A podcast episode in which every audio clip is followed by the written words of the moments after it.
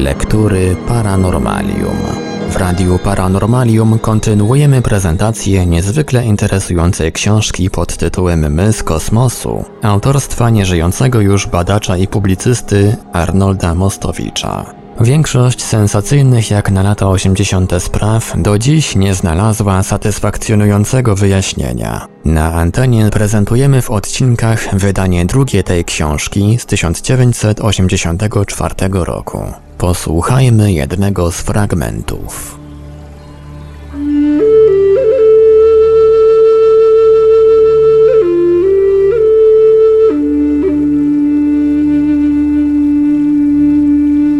Kim byli owi astronomowie sumeryjscy, którzy potrafili obliczyć rok z dokładnością do 3 minut w stosunku do najbardziej współczesnych obliczeń, a okres obrotu Księżyca wokół Ziemi z dokładnością do 0,4 sekundy? Kto im przekazał wiedzę pozwalającą obliczyć pełny cykl ruchu gwiazd na niebie wynoszący 25 290 lat? Kim byli owi uczeni egipscy, którzy na wiele tysięcy lat przed czasami współczesnymi wiedzieli, że Ziemia jest okrągła i znali jej promień, której długość zaszyfrowali w piramidzie Cheopsa? Bo skoro już mowa o kamiennych dowodach pradawnej cywilizacji, wiedzy czy też niezwykle rozwiniętej techniki, to w żaden sposób nie można pominąć piramid. Zdaję sobie zresztą doskonale sprawę z tego, że wkraczam na teren specjalnie niebezpieczny. Kiedy wydano w Polsce wspomnienia z przyszłości von Dänikena, krytycy tej książki ze specjalną lubością rzucili się na rzekome czy autentyczne błędy, które jej autor popełnił właśnie w związku z budową piramid. Mógłby ktoś pomyśleć, że właściwie wszystko jest nam w zakresie piramid wiadome że nie ma znaków zapytania ani spraw co najmniej wątpliwych. Najprostszą rzeczą byłoby temat ten pominąć, ale przyznaję, że nie miałbym czystego sumienia. Uważałbym, że gmach argumentów, mniej czy bardziej istotnych, które tu staram się przedstawić, pozbawiony byłby dowodu bardzo istotnego, kto wie, czy nie jednego z najistotniejszych. Nie będę się rozwodził nad zagadkami technicznymi, jakimi są dla nas poszczególne etapy budowy Wielkiej Piramidy. Głównie o niej będzie tu mowa. Podziwiam tych, dla których wszystko jest jasne. Niwelacja gruntu, wycięcie w kamieniołomach, szlifowanie, przewiezienie na miejsce budowy 2 milionów 600 tysięcy wielotonowych bloków kamiennych, a następnie dopasowanie ich z milimetrową dokładnością. Jest to wyczyn technicznie niebywały. Nawet przy naszej współczesnej technice nie byłby łatwy ani prosty. Wyczyn techniczny wymagający nie tylko doskonałych, precyzyjnych maszyn, ale i znakomitej naukowej organizacji pracy, nie tylko wiedzy inżynieryjnej, ale znajomości matematyki i astronomii. Jeśli nawet założymy, że nie stosowano przy tej budowie jakichś specjalnych sposobów, o których wiedza do nas nie dotarła, lewitacja, to przecież i tak Wielka Piramida pozostanie dowodem techniki zupełnie nieprawdopodobnej w czasach, kiedy była wznoszona. Tym bardziej, że jak się wydaje, datę jej budowy należy poważnie skorygować. André Pochon, Francuz, który poświęcił badaniom piramidy prawie 20 lat i który w ogóle jest jednym z najwybitniejszych dziś znawców Egiptu i jego historii, doszedł po żmudnych obliczeniach do wniosku, że piramida Cheopsa zbudowana została 6800 lat temu, czyli wprowadza tu korektę 2000 lat.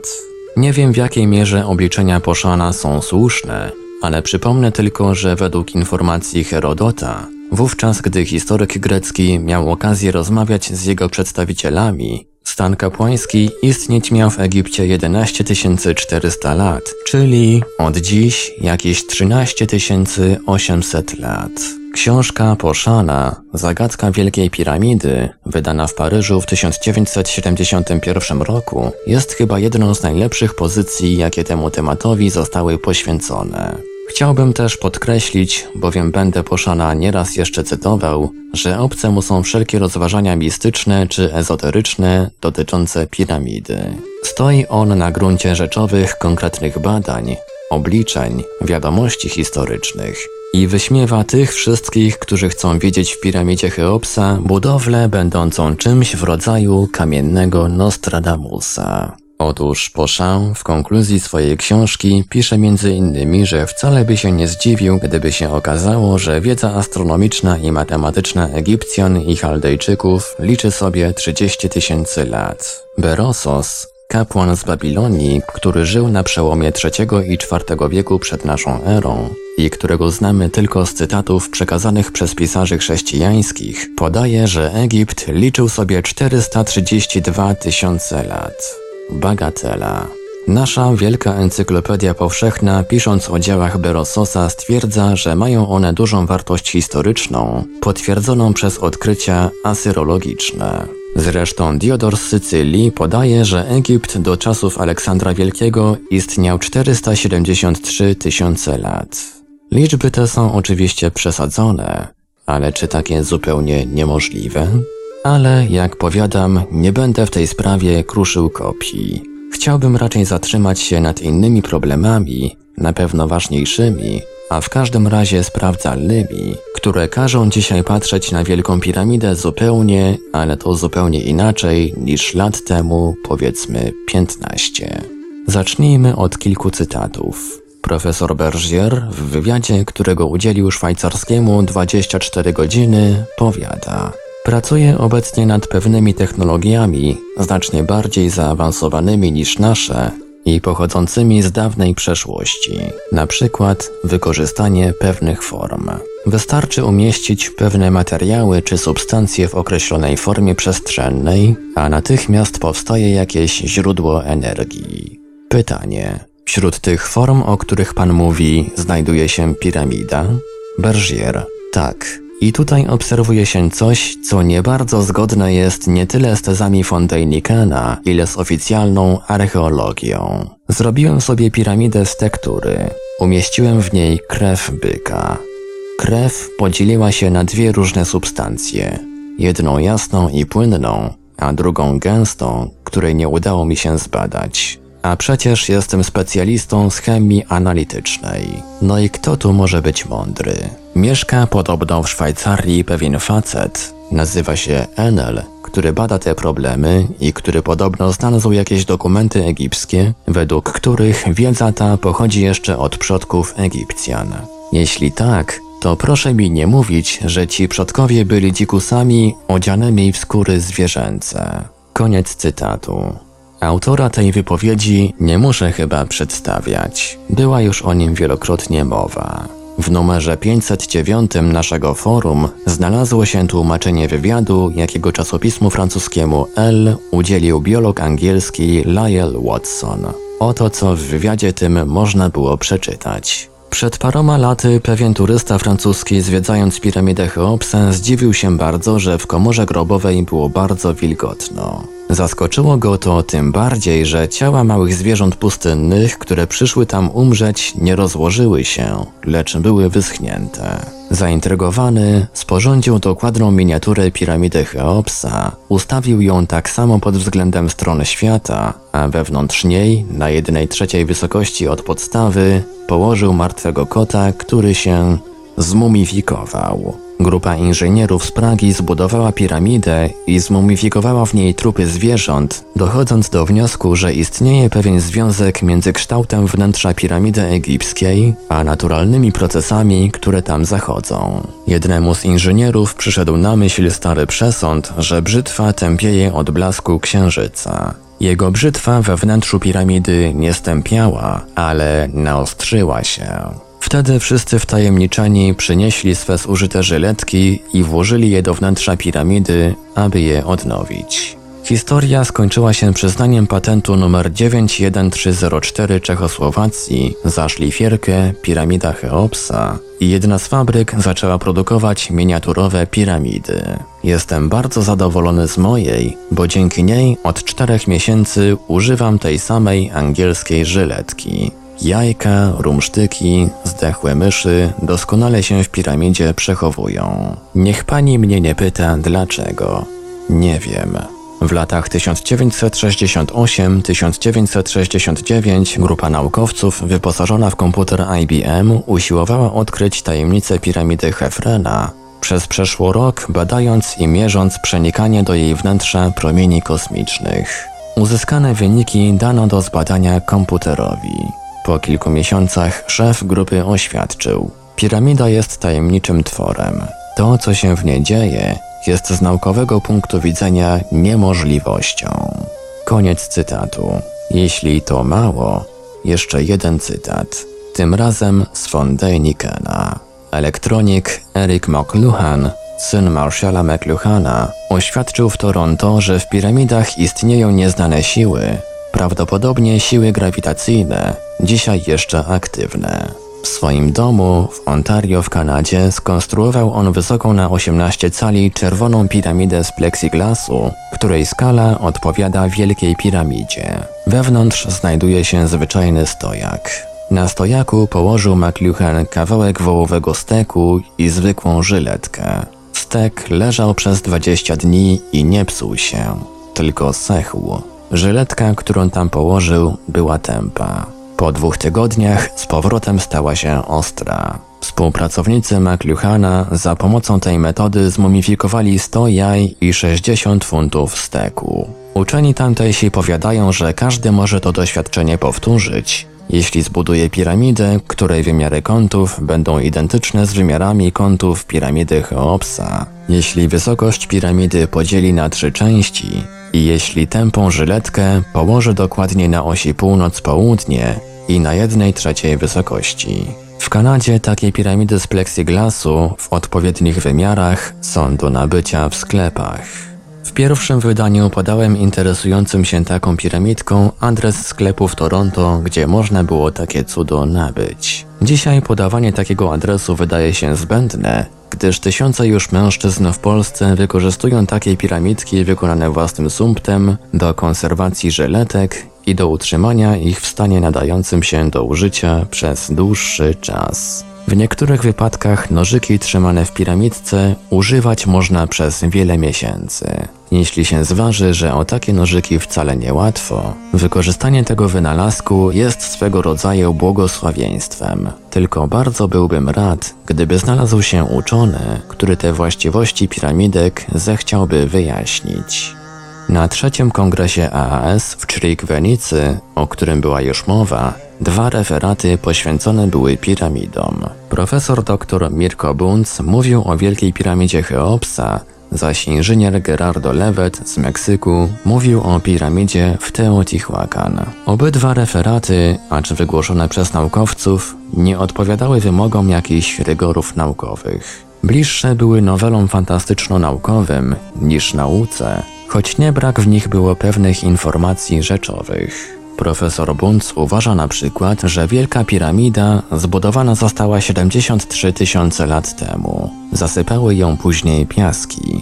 Dopiero Egipcjanie odkopali ją z powrotem i zrekonstruowali, podobnie jak Sfinksa. Relacja taka pobudzić może fantazję słuchaczy, ale nie ma nic wspólnego z tym, co wiemy o samej piramidzie i o Egipcie. Również bezsensowna jest teza, że piramida swoją budową stanowi przekaz historyczny mówiący o dziejach ludzkości. Oto do czego doprowadza sytuacja, kiedy to tak istotne dla naszych dziejów problemy omawiane są przez laików, przynajmniej w danym zakresie. Natomiast słuszne jest chyba twierdzenie Bunca, że Wielka Piramida jest czymś w rodzaju banku informacji naukowej, to znaczy informacji o takich elementach wiedzy, jakie znane były Egipcjanom w tym czasie, kiedy rządził nimi Cheops. O referacie poświęconym piramidzie w Teotihuacan będzie za chwilę mowa, ale wobec tego, że uczestniczyłem w tej konferencji, postanowiłem to wykorzystać po dziennikarsku. Poprosiłem więc inżyniera Leweta, aby się podzielił ze mną swoimi opiniami na temat piramid w ogóle. Otrzymałem półgodzinny, szczegółowy wykład, który w zasadzie był powtórzeniem tego wszystkiego, o czym mówili cytowani uprzednio autorzy. Inżynier Gerardo Levet sam przeprowadzał doświadczenia z niewielkimi piramidami.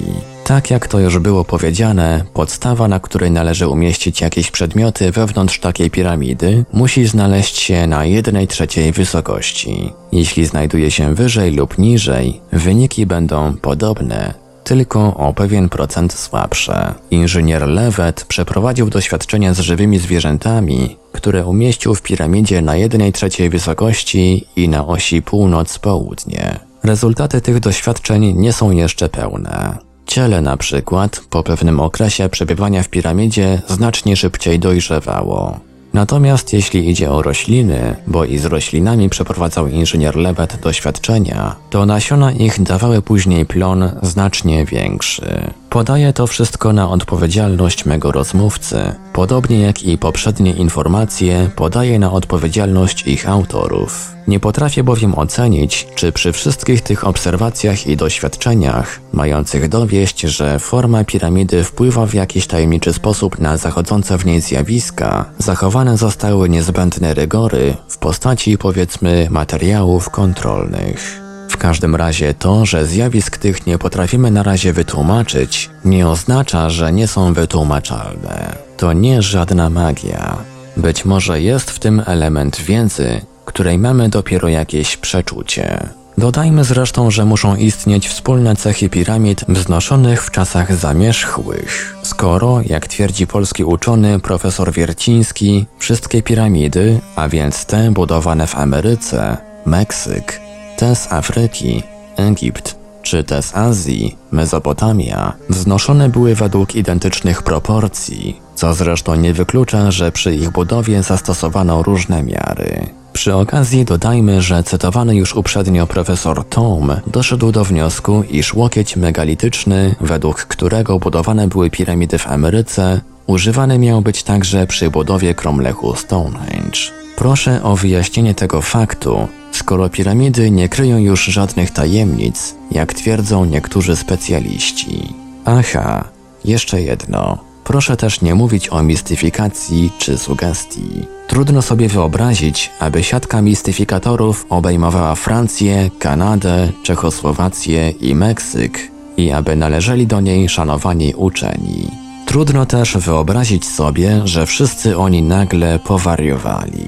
Zacznijmy od tego, że piramida Cheopsa była według wszelkiego prawdopodobieństwa świątynią poświęconą Słońcu. Sama piramida mierzy 146,560 tysięcznych metra. Jeśli się zważy, że na jej szczycie znajdował się prawdopodobnie kulisty gnomon, instrument astronomiczny, który wyznaczał deklinację i azymut Słońca oraz służył jako zegar słoneczny, należy sądzić, że cała piramida miała ponad 149 metrów wysokości, co stanowi prawie dokładnie jedną miliardową odległość Ziemi od Słońca, któremu piramida była poświęcona. Ponadto o czym nie wszyscy wiedzą, ściany północna i południowa piramidy są w środku lekko wklęśnięte w ten sposób, że w czasie zrównania dnia z nocą, o wschodzie i zachodzie słońca, obydwie wspomniane ściany są przez pół minuty oświetlone tylko do połowy. Dodajmy też, że piramida zorientowana jest według stron świata, a odchylenie w stosunku do północy geograficznej wynosi nieco więcej niż 3 minuty,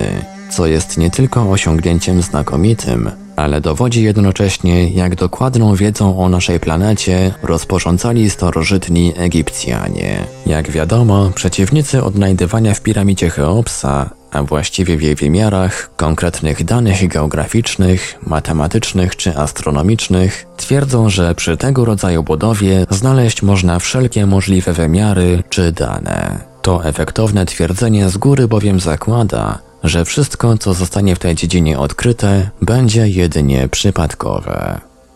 W książce Nowe badania nad Wielką Piramidą, wydanej w Paryżu w 1963 roku, jej autor, Brichet, pisze, że jest rzeczą pewną, iż w kształtach piramidy umieszczone są dane matematyczne, kosmogoniczne czy astronomiczne. Zresztą nie tylko uczeni tak twierdzą. Nawet legenda, jaka dotarła do naszych dni, głosi, że Cheops, budując piramidę, chciał przekazać następnym pokoleniom najważniejsze elementy współczesnej mu wiedzy, szczególnie te, które dotyczą Ziemi. W każdym razie pewna jest, że twórcy piramidy znali trygonometrię, a nawet umieli rozwiązywać zadania trygonometryczne drugiego stopnia. Nie ulega wątpliwości, że i projektanci piramidy znali wartość pi. Obwód podstawy piramidy ma tę samą długość co koło, którego promień wynosi jej wysokość, inaczej mówiąc 4c równa się 2 pi h. c jest długością jednego boku piramidy.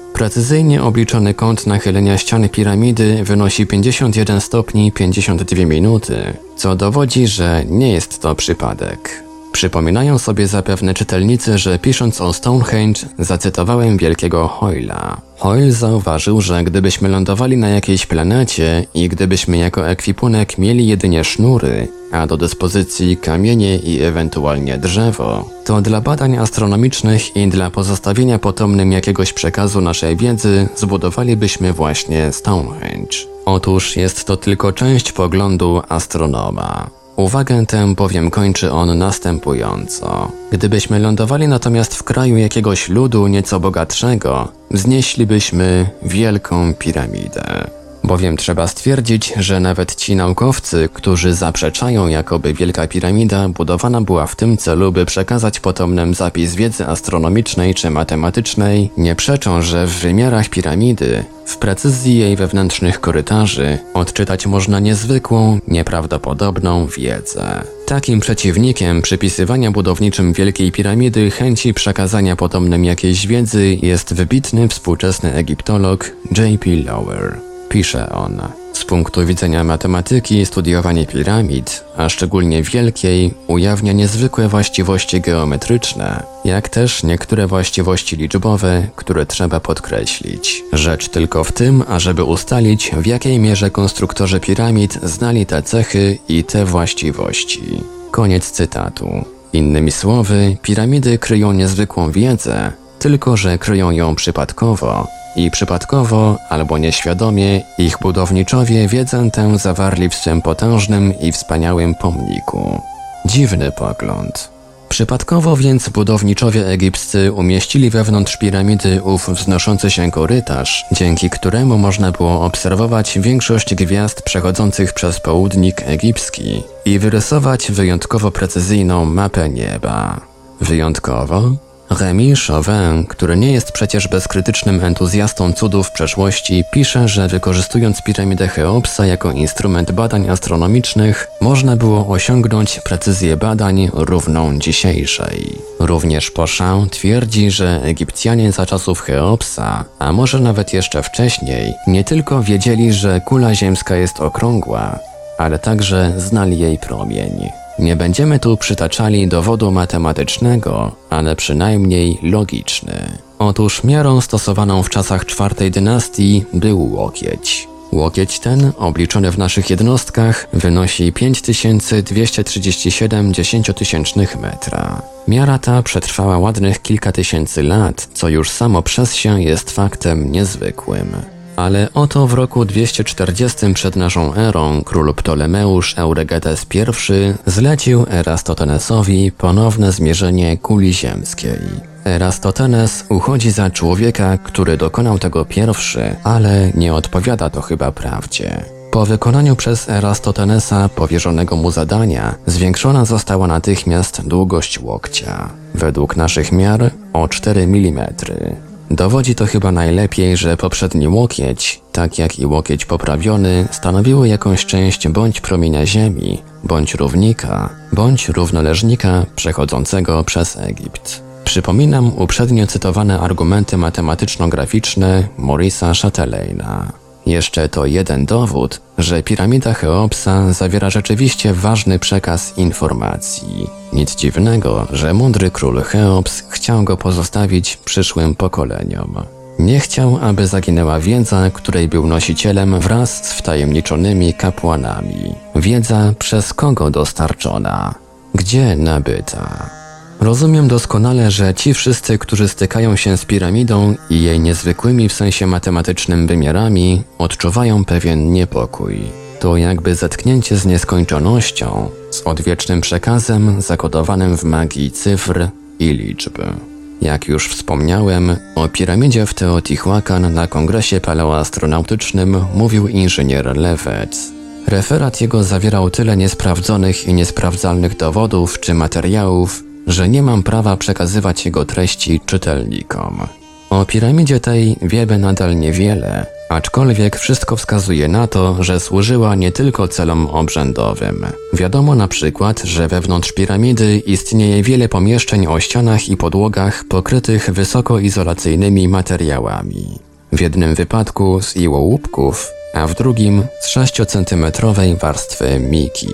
Z istnieniem piramidy w Teotihuacan wiąże Levet fakt znalezienia w kilku miejscach środkowej Ameryki przedmiotów z kryształu, o których, jak twierdzi, pewna firma amerykańska wyraziła się, że dzisiejsza technologia optyczna nie byłaby w stanie otrzymać produktów o takiej jakości i takich właściwościach. Zresztą o tej kryształowej czaszce była już mowa.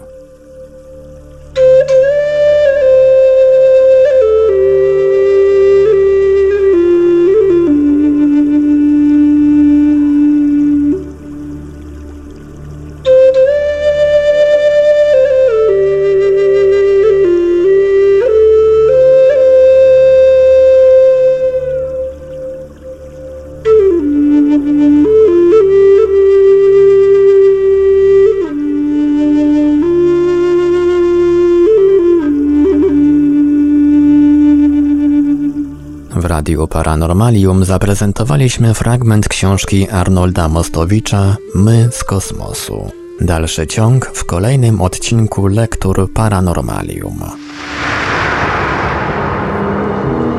Archiwalne odcinki Lektur Paranormalium znajdziesz do pobrania w archiwum naszego radia na stronie www.paranormalium.pl.